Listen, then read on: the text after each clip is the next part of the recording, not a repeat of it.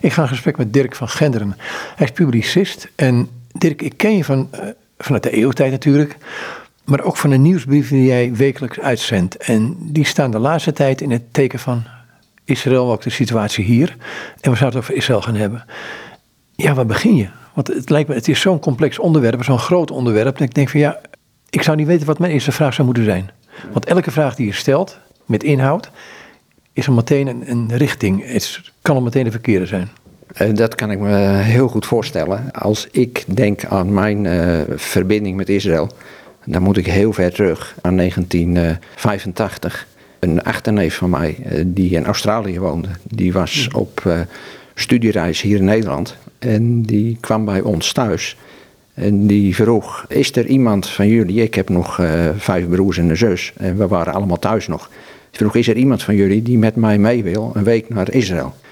Toen ben ik met hem meegegaan. Dat was eigenlijk mijn eerste ontmoeting met Israël. En dat heeft toch wel tot gevolg gehad dat ik me sindsdien altijd heel erg betrokken voel bij Israël.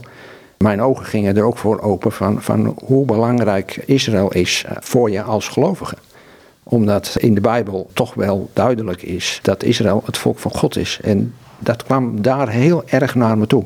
Het meest sprak mij toen aan uh, dat ik uh, op de Olijfberg was. En zo naar uh, Jeruzalem keek. En toen moest denken aan, aan wat de Heer Jezus zei toen hij op de Olijfberg was. En ook zei van Jeruzalem, Jeruzalem, ik heb u willen bijeenvergaderen als een, als een hen haar kuikens. Maar jullie hebben niet gewild. Dat kwam toen heel erg naar mij toe.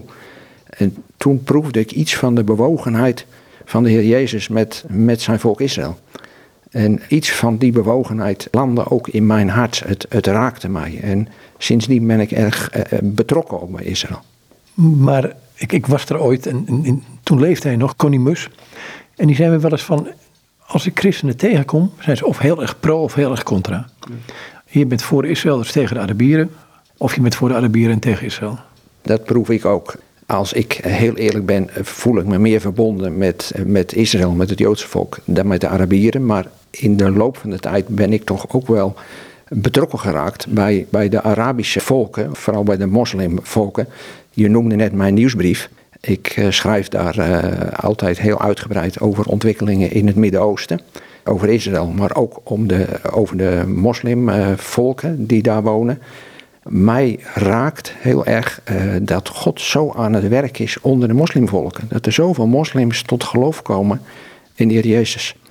En uh, misschien dat, je, had het net over, over uh, Israël, vooral de situatie nu dat ik er veel over schrijf.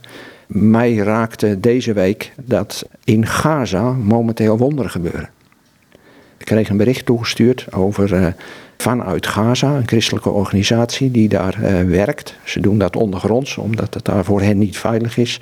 Ze schreven dat een groep van 200 mannen tijdens een nacht een droom gaat uh, hebben, allemaal onafhankelijk van elkaar, een droom gaat hebben van, van Jezus, dat ze Jezus zagen. En dat heeft hen zo geraakt dat ze allemaal tot geloof gekomen zijn in de Heer Jezus. Dus je ziet dat God uh, dwars door deze oorlog heen, die momenteel woedt, dwars door deze oorlog heen uh, werkt. In Israël, daar hoor ik ook heel bijzondere berichten uit. Maar ook onder uh, de Arabische volken. Dat hij niet ook wil dat zij tot geloof in hem komen. Je hebt opgeroepen tot bidstonden, ja. specifiek hiervoor. Dat is eigenlijk begonnen uh, anderhalf, twee jaar geleden. Toen uh, de boeren in Nederland uh, geconfronteerd werden met plannen vanuit de regering om de stikstofuitstoot te beperken. Dat, ik kom zelf ook van het boerenbedrijf. Dus uh, dat raakte mij zo en ook heel veel boeren dat ik toen vanuit mijn nieuwsbrief uh, begonnen ben met verspreid in het land bidstonden te houden. Bidstonden voor boeren. En dat zijn echt heel bijzondere avonden geweest. We hebben er denk ik een stuk of 15 uh, gehouden, verspreid over het land. Soms waren er 20 mensen, soms waren er 200 mensen. Toen, begin oktober, dat verschrikkelijke gebeurde in, in Israël op 7 oktober. op die zwarte sabbat zoals het in Israël genoemd wordt, die, die duivelse, demonische aanval van Hamas-terroristen op Israël. Vanaf dat moment ben ik opnieuw begonnen om bidstonden te houden in het land. We doen het nu uh, elke week, uh, soms één keer, soms twee keer in de week, ook op verschillende plaatsen. En dat zijn zulke bijzondere avonden dat we met elkaar in gebed gaan, bidden voor Israël, voor de bescherming van het Joodse volk. Maar ook bidden om de bekering van de Palestijnen en van, van, van Hamas-strijders. En ik, ik proef dat dat soms heel gevoelig ligt. Dat er heel veel uh, betrokkenheid en bewogenheid is bij, bij Israël. En dat heb ik zelf ook. Maar we bidden toch ook voor, voor de Palestijnen, voor de Arabieren. Dat God ook onder hen zal werken. Je kunt niet zeggen dat uh, Israël een godvrezend land is op dit moment. Nee, dat, dat, en dat raakt mij. En ik hoop dat het, als, als, als mensen hier naar luisteren, dat, dat het ons raakt. Als je kijkt naar het aantal abortussen in Israël, dat is veel hoger dan, dan in Nederland. Als je kijkt naar Jeruzalem, eh, Tel Aviv, wat daar gebeurt. Tel Aviv wordt de homo-hoofdstad van, eh, van de wereld genoemd. Dat, dat raakt mij tot in het diepst van mijn hart. En uh, toch geloof ik, en dat zegt de Bijbel ook, dat Israël het volk van God is en blijft. In, in Romeinen hoofdstuk 11 wordt gevraagd: Heeft God soms zijn volk verstoten? En dan is het antwoord: geen sprake van. Absoluut niet. En ik, ik geloof wat de Bijbel zegt: dat, er, dat God grote plannen heeft met zijn volk. En daarom bidden we op die bidstonden ook heel specifiek. En dat valt mij elke gebedsavond weer op. Dat mensen heel, heel, heel betrokken daarbij zijn. En intens God bidden om de bekering van het Joodse volk. Afgelopen week waren we bij elkaar in, in Den Haag op een bidstond. En toen was er ook iemand die citeerde uit eh, Romeinen hoofdstuk 11. Die zegt, er, er komt een moment, er gaat een dag komen... Dat, dat God zich gaat ontfermen over zijn volk. Dat hij hen genadig zal zijn. En dat staat daar ook letterlijk. En dan staat erbij, als dat gaat gebeuren, zal het een zegen zijn voor deze wereld. En daar bidden we ook al. Ik vind de moeite vaak van, je ziet dat het gebeurt in 48. En, voor mij heb ik, heb ik, soms niet van, ehm, niet op de, op de, cynische manier, maar wel op de, op de afwachtende manier van, het lijkt zo lang te duren soms. Nou, wij zouden het vaak heel snel willen, hè? Dat, het, dat we vandaag bidden en dat het morgen gebeurt. Nou, niet alleen ons gebed, maar hij brengt het volk terug. En dan denk ik, ja, ja um, kom nou, uh, het evangelie zou in hun hart gelegd worden. Ja, ja. Nee, dat gaat toch gebeuren. Maar als je in de Bijbel kijkt, zie je dat God soms de tijd neemt. Het volk Israël was ook 400 jaar in Egypte. Gods klok loopt anders dan onze klok. God neemt daar de tijd voor. Uh, het is wat jij zegt. Uh, voor ons is uh, 100 jaar heel erg lang. Het is nu al meer dan 100 jaar, 150 jaar dat het Joodse volk terugkeert naar Israël. En dat, dat, dat er tientallen profetieën in het Oude Testament staan dat God zijn volk terug zal brengen. Dat het volk wat verspreid is over de hele wereld terug zal brengen naar Israël. Daar zijn er veel mensen die zeggen, ja dat is toch gebeurd met de terugkeer uit de ballingschap. Maar er staat heel nadrukkelijk uh, dat God ze terug zal brengen van de einden van de aarde. En de ballingschap, je kunt niet zeggen dat, dat de Joden toen verspreid waren tot aan de einde van de aarde. Maar dat terugbrengen, dat, dat duurt nu al 150 jaar en dat gaat door. Van de week las ik een bericht dat in Israël rekening wordt gehouden dat de komende jaren 1 miljoen Joodse mensen van over de hele wereld vandaan terug zullen gaan naar Israël. Omdat nu door deze huidige oorlog het antisemitisme enorm toeneemt. En, en veel Joden voelen zich erg onveilig. Ook in Nederland. Als je ziet wat er gebeurt, eh, demonstraties met eh, Hamas-vlaggen en, en de uitspraak eh, From the river to the sea, Palestine will be free. En, en is al vrij, want van de rivier, de Jordaan tot de zee, dat is Israël. Ja. Wat een eigenlijk ontnomen werd uh, in de 48, waarvan de omringende volken proberen dat de Joden te ontnemen. Dat klopt. De Bijbel zegt dat, dat van de zee tot aan de rivier. En eigenlijk wordt daar zelfs uh, de Eufraat mee bedoeld. Nog een veel groter gebied dan nu. Dus die leus die gebruikt wordt, from the river to the sea, eigenlijk komt die uit, uit de Bijbel. En wordt specifiek toegepast op Israël. Dus het is het land wat God toezegt aan zijn volk.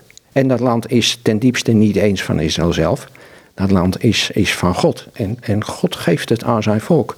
En dat gaat gebeuren, daar ben ik vast van overtuigd. Dan zijn ze in 1948 teruggekomen. Dus de, de, omringende landen hebben toen legers gestuurd om het, om het onder leiding van een groot die dacht ik, eh, Nou ja, het is, het is, een klein land gebleven. Ja. 67 is een oorlog geweest. in 70 heb je dan de Palestijnse opstand in Jordanië. 10.000 doden zijn het land uitgebondsjoerd naar ehm, Libanon toe. 73 oorlog. Wat mij daarna heeft verbaasd in het teruggeven van de gebieden. Egypte wilde zijn gebied terug, maar niet Gaza. Ik heb Jordanië, maar dat kan aan mij liggen, nooit gehoord. We willen de Westbank terug.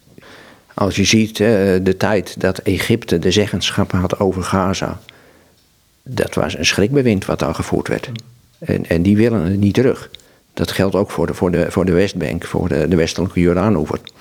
Dat wordt in het nieuws zo genoemd, de Westbank. Maar het is Judea en Samaria. Het is, is het hartland van Israël.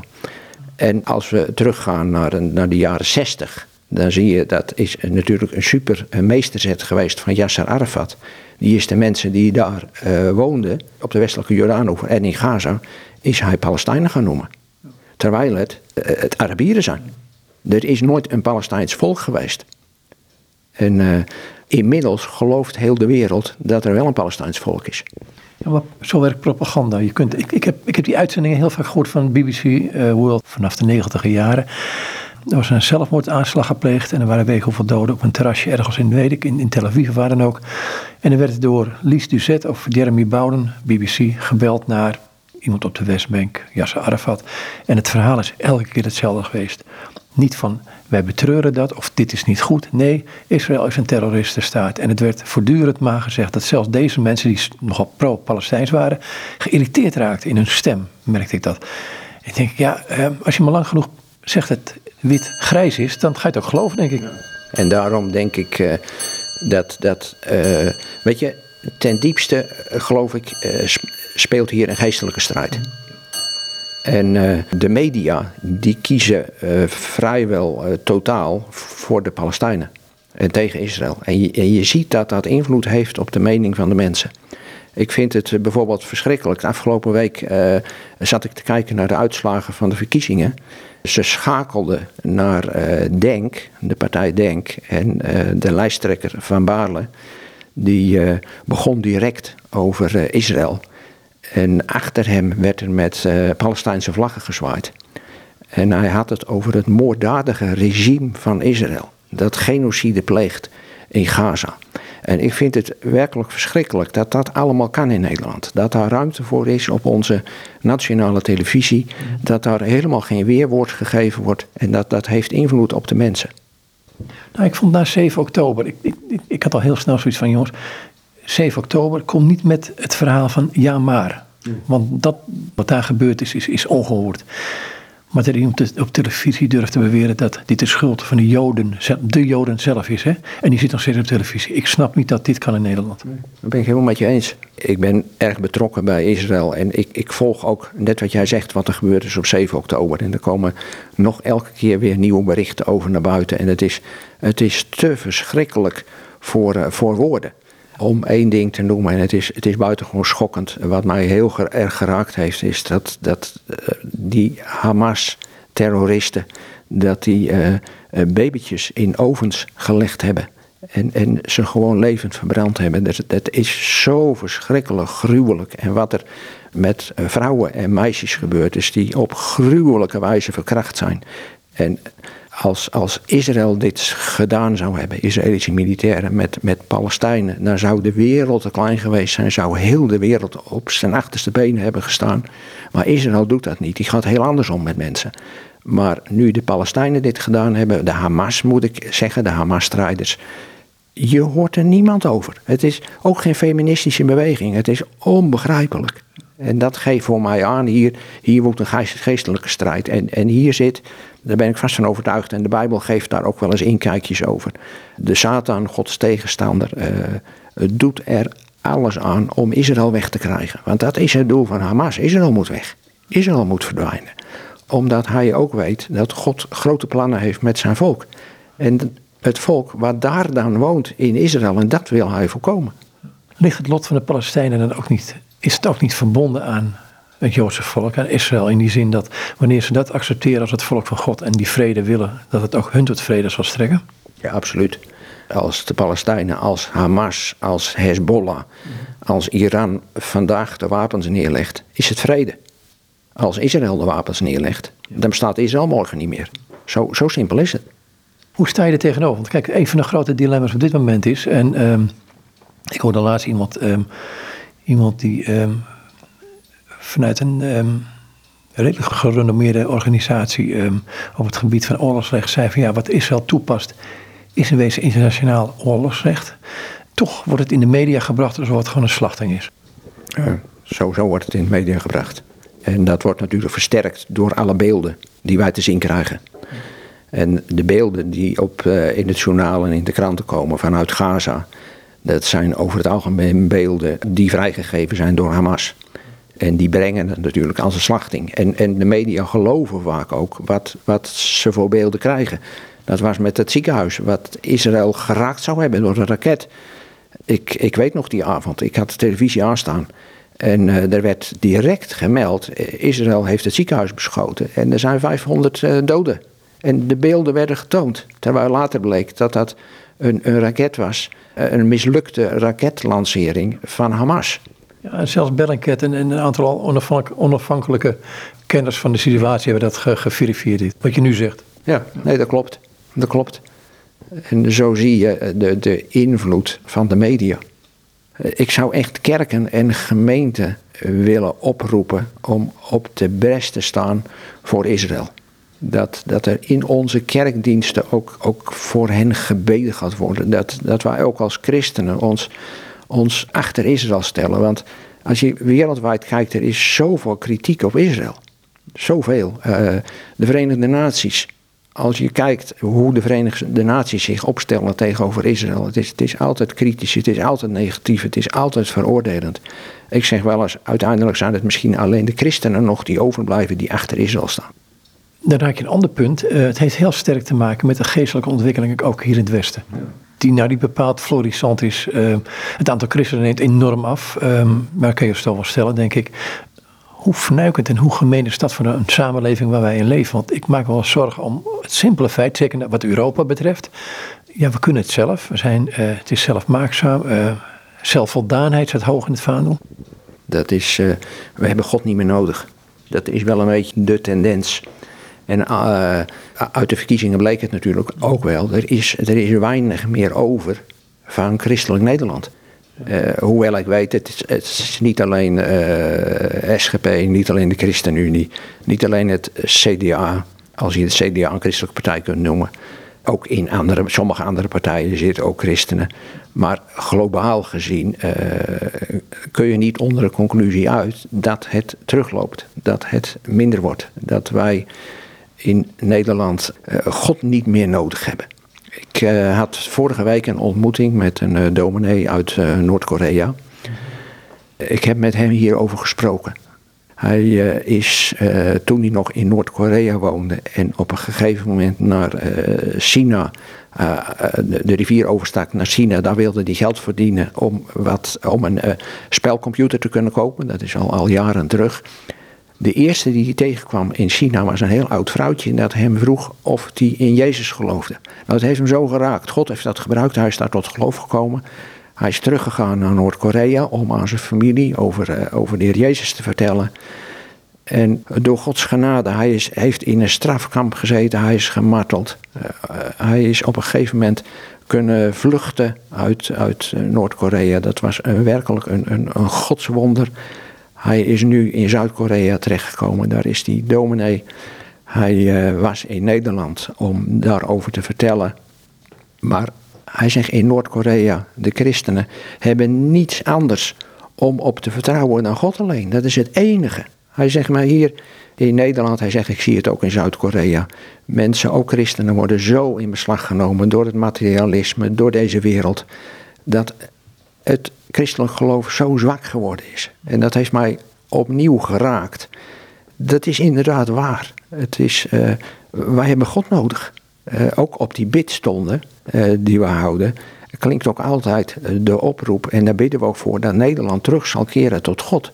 Dat we tot inkeer zullen komen. Dat is ook mijn diepe verlangen. En ik geloof dat God machtig is om dat te doen.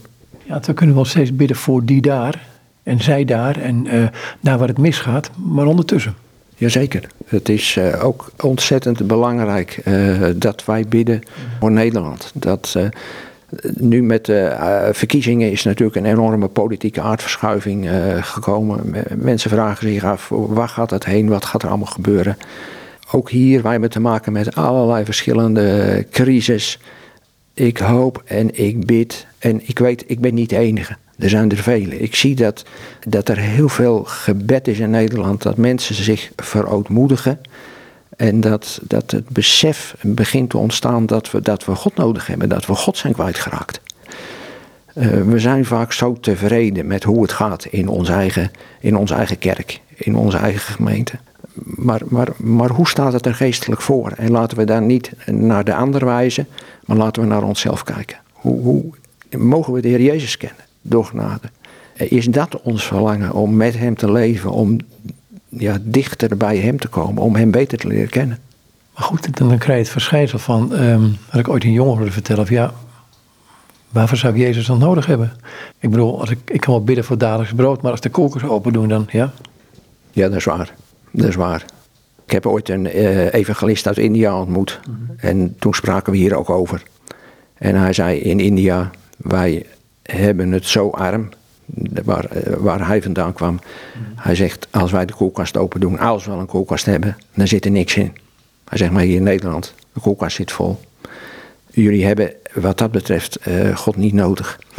Uh, weet je, en ik sla even de Bijbel open. Ik was afgelopen woensdag, toen de verkiezingen waren, toen zag ik blijdschap bij een deel aan de andere kant uh, ontreddering van wat gebeurt hier in Nederland. Hoe moet dit verder? En toen ik daarover nadacht, toen begon ik in de Bijbel te bladeren. Ik was op zoek eigenlijk naar een woord van God om mij uh, rust te geven, om mij vrede te geven.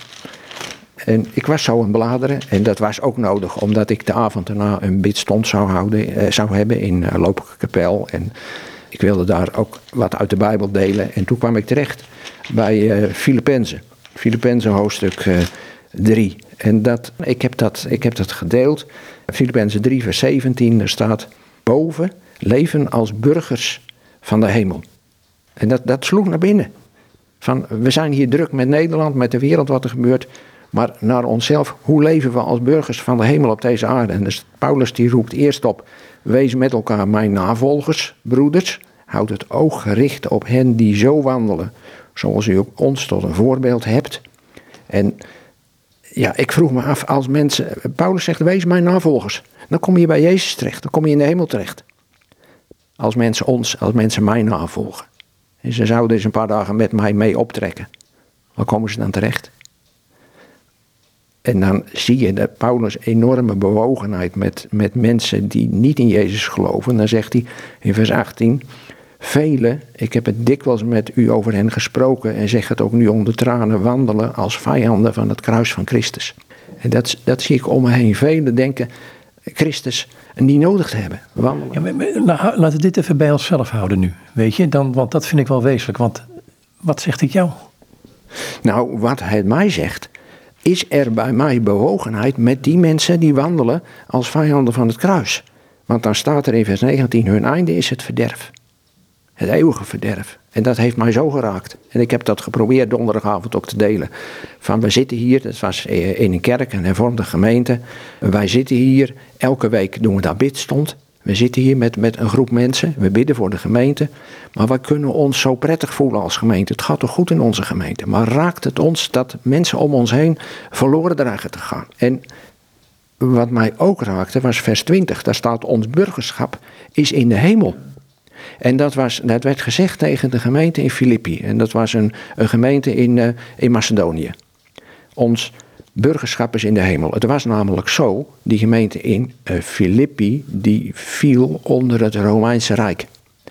En het woord burgerschap kan je ook vertalen met kolonie. Die gemeente in Filippi was een kolonie van het Romeinse Rijk. Ze woonden niet in Italië, ze woonden niet in Rome, maar toch deelden ze in de voorrechten van het Romeinse Rijk. En zo wordt hier gezegd, ons burgerschap is in de hemel. We leven nog hier op aarde. We zijn uh, hier uh, Nederlandse burgers, of, of waar mensen ook wonen. Maar ons burgerschap is in de hemel. We zijn eigenlijk, zou je kunnen zeggen, een kolonie van de hemel hier op aarde. Samen als, als gelovigen, als, als kinderen van God. En daar staat er waaruit wij onze zaligmaker verwachten. En dat vond ik zo mooi, want uh, de, de keizer van Rome werd ook zaligmaker genoemd, Soter. En, en uh, zaligmaker, uh, heilbrenger, verlosser. En die kwam soms op bezoek in zijn kolonies. En de, de, de mensen daar in Filippi, die, die vonden het een geweldige eer als de keizer, hun zaligmaker, bij hen op bezoek komt. En dan staat er ook, ons burgerschap is in de hemelen, waaruit wij de zaligmaker verwachten. Wij verwachten de zaligmaker, en daar staat erachter namelijk de Heer Jezus Christus, verwachten wij uit de hemel. Daar zien we naar uit. Hij zal komen op deze aarde. Zijn wederkomst. En toen ik dit ging zien, toen maakte ik me opeens niet meer zo druk om de situatie in Nederland. Dat ik dacht, ik mag horen bij de hemel. En dat gaf mij rust, dat gaf mij vrede, dat gaf mij blijdschap. Ons wacht een geweldige toekomst. Daar staat die ons vernederd lichaam veranderen zal, zodat het gelijkvormig zal worden aan zijn verheerlijk lichaam. We hebben nu allemaal nog te maken met dat vernederde lichaam. Jij zei, uh, of net, jij zat in de bank en je kwam wat moeilijk omhoog. Dank u. Dank u. Nou, ik, ik heb ook te maken met allerlei lichamelijke uh, zwakheden en ik denk heel veel luisteraars ook. Maar dat is, dat is maar tijdelijk.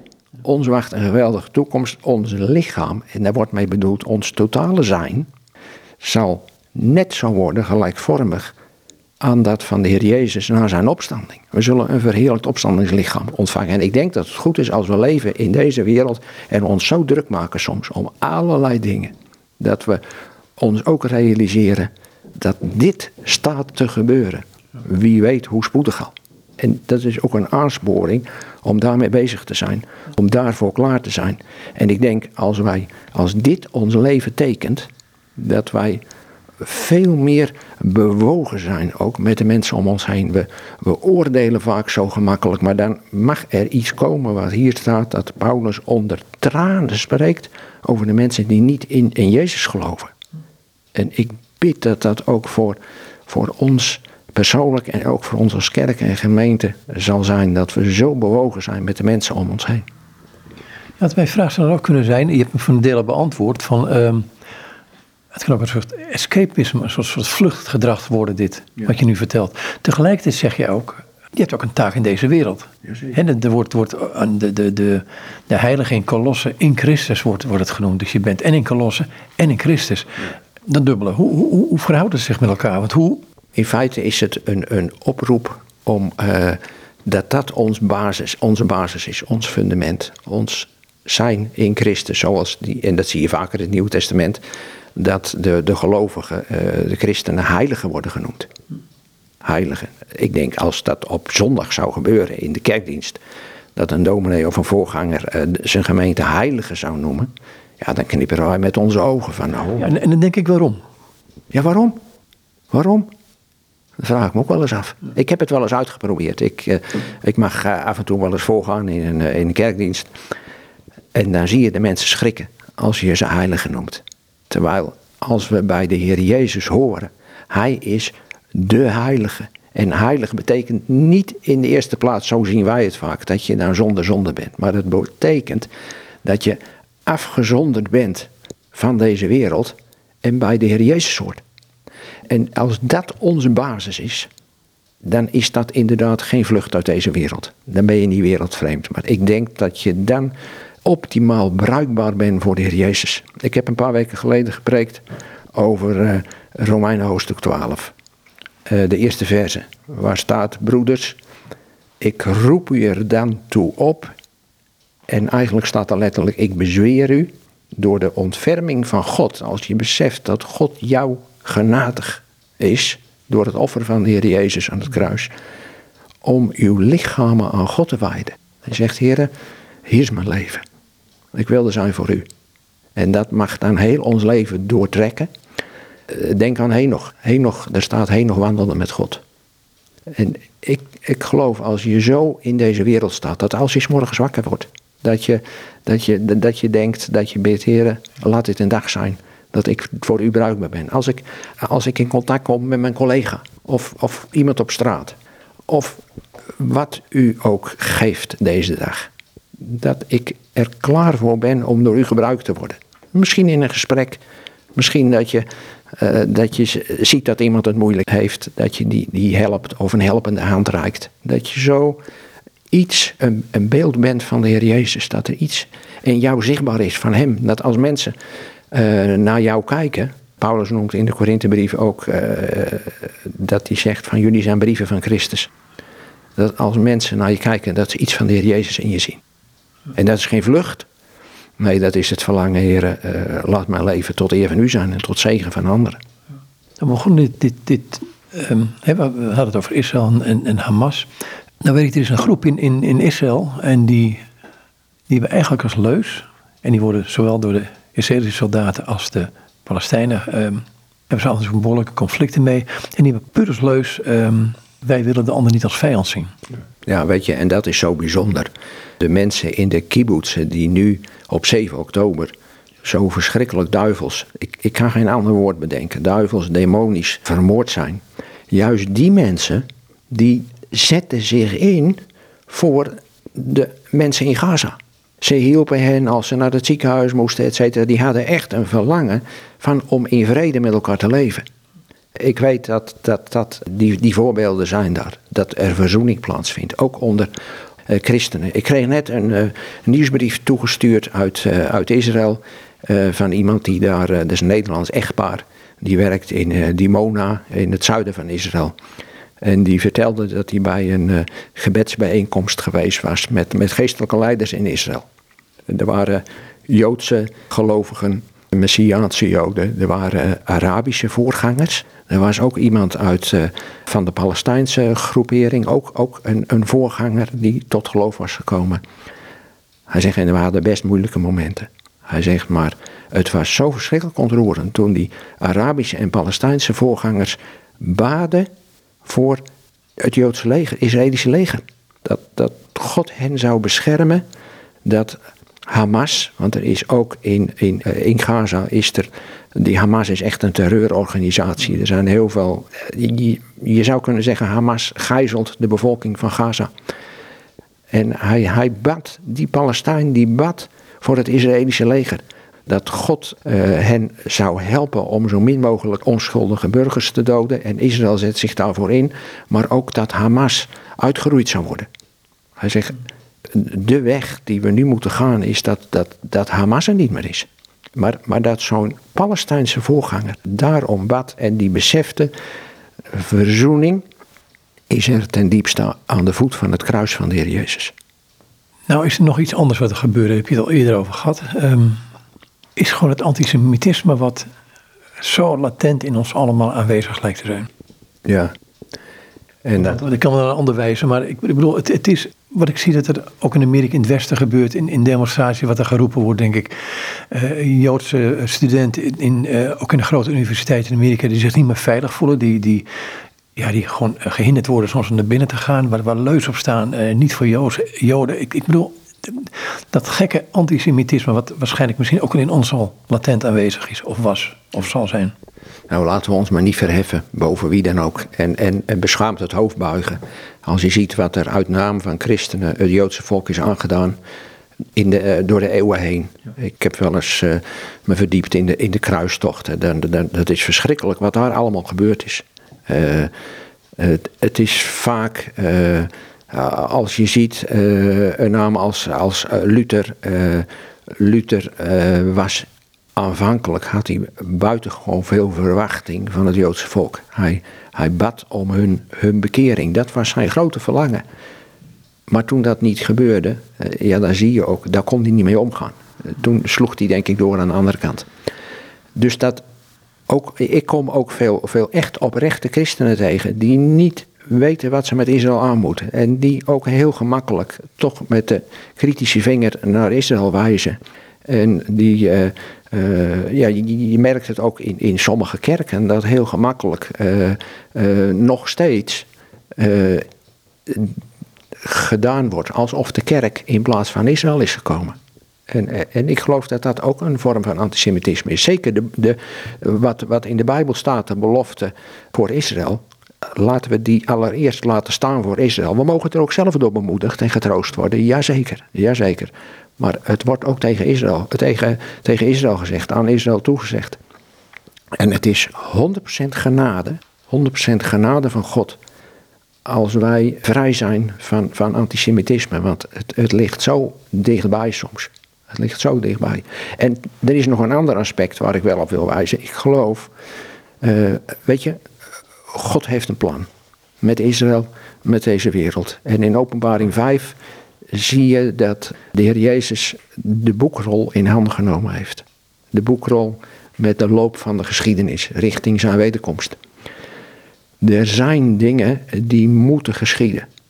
Ik vind dat wel eens lastig. Ook in hoe je bidt voor Israël en hoe je bidt voor de ontwikkelingen in deze wereld. Wij weten niet precies hoe Gods plan is.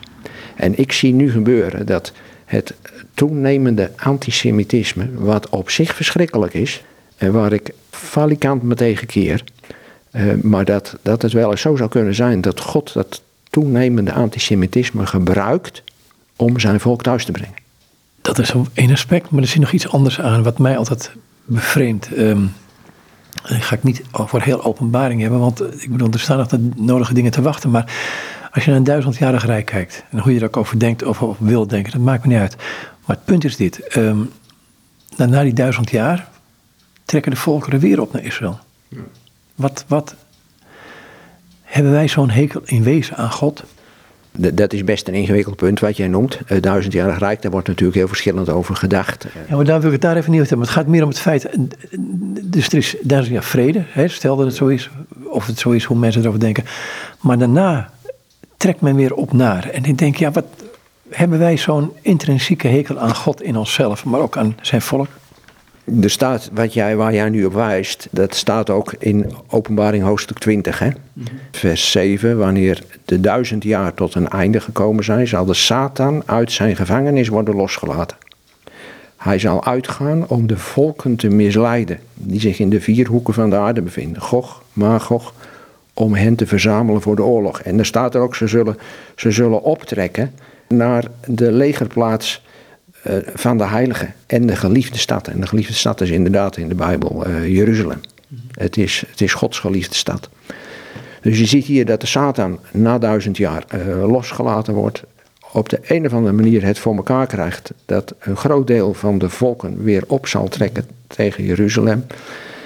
Ik denk ook aan Zacharia. Aan Zacharia, is hier Zacharia hoofdstuk 12, 13 en 14 gaat het hier ook over. En daar wordt gesproken zelfs dat alle volken zich tegen Israël, tegen Jeruzalem zullen keren. En met de ontwikkelingen die vandaag plaatsvinden, kun je je dat voorstellen. Ik, ik vind het heel opmerkelijk in deze tijd waarin wij leven, dat je je voor kunt stellen dat profetieën, waar we misschien soms niet echt raad mee weten, maar dat die in vervulling gaan. Dat ontwikkelingen ook buitengewoon snel kunnen gaan. En als je ziet als er staat, alle volken zullen zich keren tegen, tegen, tegen Israël, tegen Jeruzalem. Kijk naar de Verenigde Naties, daar zijn alle volken in vertegenwoordigd. En het overgrote, de overgrote meerderheid van de Verenigde Naties keert zich ook tegen Israël. We mogen ook wel bidden dat God ons, uh, ons vasthoudt en ons, ons staande houdt. En uh, ik bid ook wel eens van uh, God geef ons maar liefde voor uw volk. Ja, je ziet het dat dat soms heel snel kan veranderen. Dat staat natuurlijk in de Bijbel, wie staat, ziet toe dat hij niet vallen. Maar ik vind het heel opmerkelijk dat als mensen tot geloof komen, ook uit de moslimwereld, dat je dan ziet dat haat tegen Israël soms van de ene op de andere dag kan veranderen in liefde. Omdat ze beseffen, Israël is toch op de een of andere manier een ander volk. Uit het Joodse volk is de Heer Jezus gekomen. Hij is een Jood. Uit het Joodse volk is het evangelie naar ons toegekomen. En de Bijbel staat er vol van dat daar in Jeruzalem op de Olijfberg zal de Heer Jezus terugkomen. En dat geloof ik, dat staat er. Maar goed, ik denk dat mensen ook vaak zoiets hebben van ik hoef het niet met alles wat Israël doet of wat Israël politiek doet eens te zijn. Nee, nee daar heb je gelijk in. Dat, dat, dat is waar. Uh, we zeiden eerder al van Israël is ook een, een, een, zondig volk. Als je ziet wat daar allemaal gebeurt, daar hoeven wij het niet mee eens te zijn. niet in alles wat zij doen. Maar ik vind wel dat de morele standaard van Israël in, nu in de oorlog met Gaza. Dat, dat mensen opgeroepen worden om te vertrekken. Dat Israël soms aanvallen op het laatste moment afblaast. Dat Israël er alles aan doet om, om, om uh, onschuldige slachtoffers te voorkomen. Terwijl je ziet dat Hamas in het wilde weg raketten afschieten op Israël. Die houdt daar helemaal geen rekening mee. En zeker, het, het gaat, er vallen ook slachtoffers die, die, die, die, waarvan je zegt van waren die maar niet gevallen, maar ook heel veel slachtoffers die nu in de aantallen genoemd worden, zijn ook uh, Hamas-terroristen. En het vreselijke is dat Hamas ook kinderen inschakelt. Ze hebben heel veel kindsoldaten. En nu worden er beelden getoond van uh, van, eh, van, eh, van kinderen die omkomen. Daar zitten soms ook kindsoldaten bij, die al heel jong eh, met geweren gewapend Israël tegemoet trekken. Waar ga je het in je nieuwsbrief over hebben de komende tijd? Nou, we gaan door. ik ga weer in over anderhalve week hebben we weer drie bidstonden in het land. Kun je al zeggen waar? Ja, we gaan weer bidden voor, voor Israël. 4 december maandagavond in Buren. 6 uh, eh, december in Renswoude. En 13 december in Den Haag. En als mensen mij een, een mail sturen, info.dirkvangenderen.nl dan uh, zal ik ze ook de nieuwsbrief uh, toesturen als ze dat willen, met ook de, de plaatsen waar we bijeenkomen om te bidden. En, en die, je hebt een site, dirkvangenderen.nl. Um, wat, daar zit je veel meer op dan dit alleen waar we het over gehad hebben. Ja, ja, ja. Daar is, heb ik de afgelopen weken veel geschreven over, uh, over Israël. Maar ook uh, diepergaand over, uh, ik noemde al de geestelijke strijd, over de geestelijke strijd die woedt om Israël. Ook een, een oproep afgelopen tijd richting Nederland. Uh, ik schrijf dan in de nieuwsite, maar ik zou, wel, ik zou het wel uit willen roepen over heel Nederland heen. Van Nederland, keer terug tot God, bekeer u. Maar soms ook een oproep aan, aan de lezers van de nieuwsbrief om hun leven aan de Heer toe te wijden en door Hem gebruikt te kunnen worden. Dus dat zijn meer diepergaande beschouwingen, meditaties. En in de nieuwsbrief zijn het meer de nieuwsberichten over wat God doet in Nederland wat God doet eh, wereldwijd. Om mensen ja, daarmee te bemoedigen, maar ook aan te sporen tot gebed. Je kunt ook reageren op de site, zag ik hè? Ja, op de site kun je reageren. Er zijn altijd mensen die, uh, die reageren, dus uh, dat kan ook. En, uh, en hoef je het niet per se met jou eens te zijn. Of denken van, oh, wat je nu zegt is grote onzin. Want die dingen zie ik ook op jouw site. Nee, dat komt. mensen kunnen ook aangeven ze het er niet mee eens zijn. En de nieuwsbrief is gratis, dus als, als mensen die willen ontvangen, ik verstuur hem elke week, elke zaterdag. En uh, dat is mij ook een grote vreugde om te doen. Ja, ja waarom? Nou, ik, vind, ik word er zelf zo door bemoedigd als ik, als ik zie wat, wat God doet, ook de getuigenis. Ik probeer in elke nieuwsbrief ook, ook een getuigenis te, mee te geven aan de mensen. Dat, dat mensen uh, mogen vertellen, kunnen vertellen hoe ze tot geloof in Jezus zijn gekomen. Of wat God gedaan heeft in hun leven. Ook als je ziet, wij kijken wel eens naar Nederland en we doen wel eens. Ja, dan maken we ons zorgen over hoe het in Nederland gaat. Ook wat betreft de kerk. Dat we elkaar soms ook wel eens somberheid en negativiteit aanpraten. Door tegen elkaar te zeggen: het gaat toch slecht allemaal. En, en er zijn zorgen. Maar als je het breder bekijkt, wereldwijd. Dan is er juist reden om, om vol van hoop te zijn. Omdat dat God werkt. En het is wonderlijk wat, wat er gebeurt we beseffen soms onze rijkdom niet, hè? Nee, nee, nee, nee, nee, nee, dat ben ik helemaal met je eens. En dan uh, met nadruk op geestelijke rijkdom. Als we de Heer Jezus mogen kennen, dan zijn we. Uh, ik heb het wel eens uh, het voorbeeld gebruikt van in de quote 500 gaat het over de 500 rijkste Nederlanders. Miljonairs, multimiljonairs, miljardairs. Maar als we de Heer Jezus mogen kennen, ja, dan staan wij in feite nummer 1. Er is geen grotere rijkdom dan dat. Als je dat mag weten, dat, dat je gekocht bent door het kostbare en dierbaar bloed van de Heer Jezus. Dat is een van de aspecten waar het eigenlijk niet over gehad hebben. Is gewoon, er zijn zoveel ook politieke zienswijzen op Israël, Palestijnse volk, twee staten. Zelfs mensen die zeggen, ja, maar Israël woont het totaal illegaal. We horen daar helemaal niet, dat soort dingen. Um, Kort, kun je daar iets over zeggen? Of gaan we dan echt een hele andere, andere richting weer op? Nou, het zijn wel, wel vragen die leven. Ik, ik zie dat ook, je ziet dat natuurlijk in de, in de politiek, je ziet het ook in de kerken. Zelf ben ik ervan overtuigd dat, dat God uh, dat land apart gezet heeft voor zijn volk. Ik geef er ook wel eens bijbelstudies of, of lezingen over. Daar, is heel veel meer over te vertellen dan nu in dit korte gesprek. Ik geloof ook dat het land totaal aan Israël toebehoort ik zie ook een twee-staten-oplossing ik niet zitten. Het blijkt ook uit onderzoek dat heel veel Palestijnen dat zelf, daar zelf ook niet voor kiezen. En uh, heel veel Arabieren. Uh, dat, ja, en hoe het verder zal gaan. Ik, ik, ik denk dat het tot op het moment dat de Heer Jezus terugkomt. Ja, dat het, dat het daar moeilijk blijft. Dat die strijd niet voorbij zal zijn dat het door blijft gaan tot op het moment dat hij zal komen. Dat proef je ook in Psalm 122, waar uh, staat: Bid om vrede voor Jeruzalem. En als je gaat kijken wat, wat daarmee bedoeld wordt, daar, daar staat eigenlijk bid om de shalom van Jeruzalem. En shalom, dat is vrede. Dat, dat houdt ook in eh, de vrede van, van de Heer Jezus. Er komt alleen maar werkelijke vrede als Hij komt, de Heer Jezus. En daarom is het gebed zo belangrijk, dat we dat meebidden. Uw koninkrijk komen. Dat, dat als Hij komt, de vredevorst, dan zal Hij vrede geven.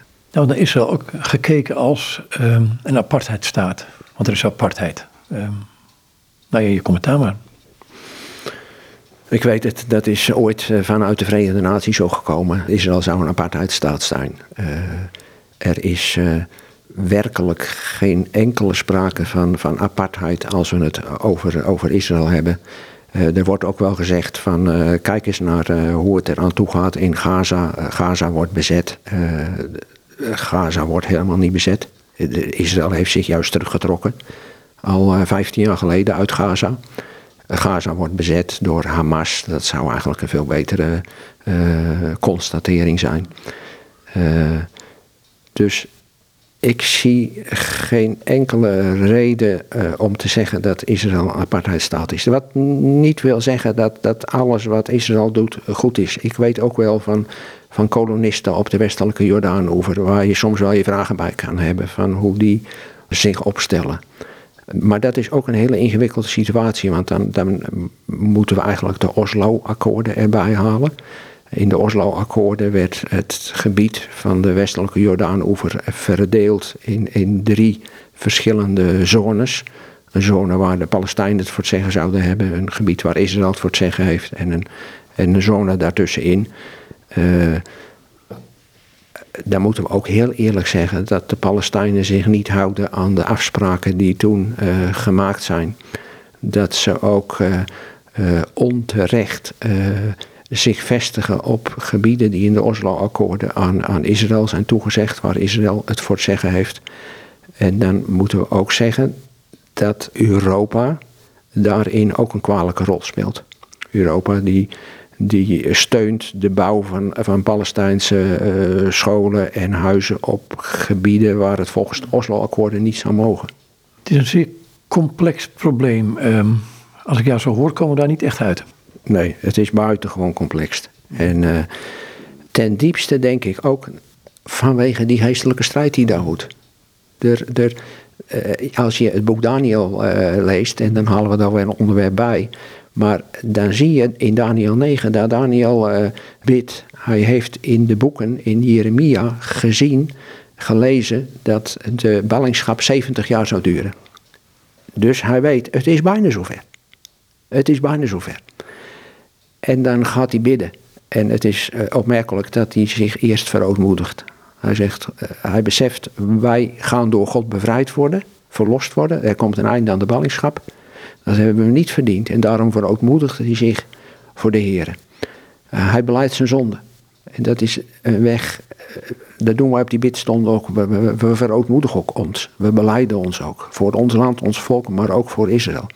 Is, is dat niet een essentie die je nu aanhaalt? Dat we kunnen zeggen, hè, als we voor Gods troon staan in gebed, als we naar Israël kijken, de Palestijnen kijken, onszelf kijken, wij hebben gezondigd? Ja, dat ben ik helemaal met je eens. Dat is uh, in onze bidstonden, uh, maar ook in de nieuwsbrieven en in de commentaren is dat een heel belangrijk element, verootmoediging. Dat wij beseffen, wij hebben geen enkel recht dat God ons, zich over ons zou ontfermen. Dat God zijn zegen aan ons zou geven. En daarom verootmoediging. Maar dat, dat is ook voor Israël, denk ik, in deze situatie. Het is heel opmerkelijk, een van de gijzelaars is, uh, is uh, al vrij snel vrijgekomen nadat ze ontvoerd waren naar, naar, naar, naar Gaza. En de familie van die, die jonge vrouw, die het zijn orthodoxe mensen, die hebben een Torah-rol hebben ze, in hun huis genomen. En dan hebben ze tot God geroepen om ontferming, om genade. Toen die vrouw was vrijgelaten, dat zeggen, zagen ze echt als een verhoring van God. Toen was ook de oma van die vrijgelaten gijzelaar, die was daar in het huis aanwezig. En die oma die zei iets heel opmerkelijks. Die zei, ik denk dat God tegen ons wil zeggen dat we ons voor hem moeten verootmoedigen. Dat we onze zonde moeten beleiden. En dat vond ik zo opmerkelijk. Toen dacht ik, dit is iets van God zelf. Dit is iets wat de Heilige Geest in haar legt. En ze wees op 2 Kronieken 7, vers 14. Als mijn volk zich voor mij verootmoedigt en bidt, hun zonde beleidt, dan zal ik van de hemel uit horen, hun zonde vergeven en hen genadig zijn. Ik denk dat dat voor Israël in deze situatie, en dat is ook mijn gebed, dat het volk tot verootmoediging gekomen. Dat ze ze hebben nu, zijn ze er met de neus opgedrukt dat ze zichzelf niet kunnen beschermen. Hoe goed legers ze ook hebben, dit is gebeurd. Dat ze, dat ze in feite, uh, wie weet wat er morgen gaat gebeuren. Kan, kan er weer zoiets gebeuren? Nou ja, nou ja, als, ik, als ik goed luister naar Hezbollah, maar ook Hamas, uh, volgen er nog veel meer 7 oktobers. Ja, Dan denk ik, voor Heine moet vandaan om dit te zeggen. Ja, daarom. En daar proef ik dat, dat die gedachte leeft in Israël. Dit is gebeurd, wat gaat er nog meer gebeuren? En ik hoor ook vanuit Israël dat mensen dat beseffen. En dat, dat, dat, is, dat mag ons gebed zijn. Dat we, dat, we, dat we bidden dat God zo met zijn geest in zijn volk werkt. Dat ze gaan roepen tot hem. En dat ze, dat ze tot verootmoediging komen. Dat is geloof ik de weg. En als dat gebeurt, ik weet het zeker, de Bijbel zegt het. Als mijn volk zich verootmoedigt, dan zal ik hen, zich over hen ontfermen. En dan kunnen we tegelijkertijd in de spiegel kijken en dan denk ik, ja, verootmoediging. Oeps, begrijp ik daar wel iets van? Is, is waar, is waar. Is absoluut waar. Als je, uh, dat, is, dat is weer een andere richting op, maar ik heb me in het verleden veel uh, verdiept in de opwekkingsgeschiedenis. Mhm. En je ziet eigenlijk in elke opwekking dat als, als de Heer een opwekking geeft, dat de eerste die tot verootmoediging komen zijn de, de kerken, de, de, de, zijn kinderen. Ik las over een opwekking in, uh, de opwekking in 1906 in, uh, in Korea. Dat is heel opmerkelijk. Die opwekking begon in Pyongyang. Dat is nu de, de hoofdstad van Noord-Korea. Toen daar de opwekking uitbrak, dat de eerste die tot verontmoediging kwamen, dat waren de, de voorgangers, de predikanten. Die gingen naar elkaar toe en die beleden hun zonde aan de Heer, maar ook aan elkaar. Ze zeiden, we zijn jaloers op jou geweest. We dachten, God zegent jou meer dan mij. En dat, zie je in elke opwekking. En dat, ik denk dat dat ook uh, ja, naar ons toe komt. Van, van hoe staan wij erin? Denken wij misschien dat we, dat we meer zijn voor God of belangrijk of beter? En, en we weten het allemaal zo goed en we wijzen met onze vinger dat we naar de Heer toe moeten gaan en net als Daniel moeten zeggen, Heer, ik heb gezondigd, wij hebben gezondigd. Wij ons gezin, onze kerk, onze, onze gemeente, vergeef ons onze zonden en wees ons genadig. En, en dan zal de Heer horen vanuit de hemel en zijn zegen geven. Dat geloof ik vast en zeker. Wat hier later, dankjewel. Dankjewel. Tot zover dit gesprek met Dirk van Genderen. Wij spraken over de situatie in het Midden-Oosten en dat um, uitgelegd vanuit een, een geestelijk perspectief, als ik het zo mag zeggen.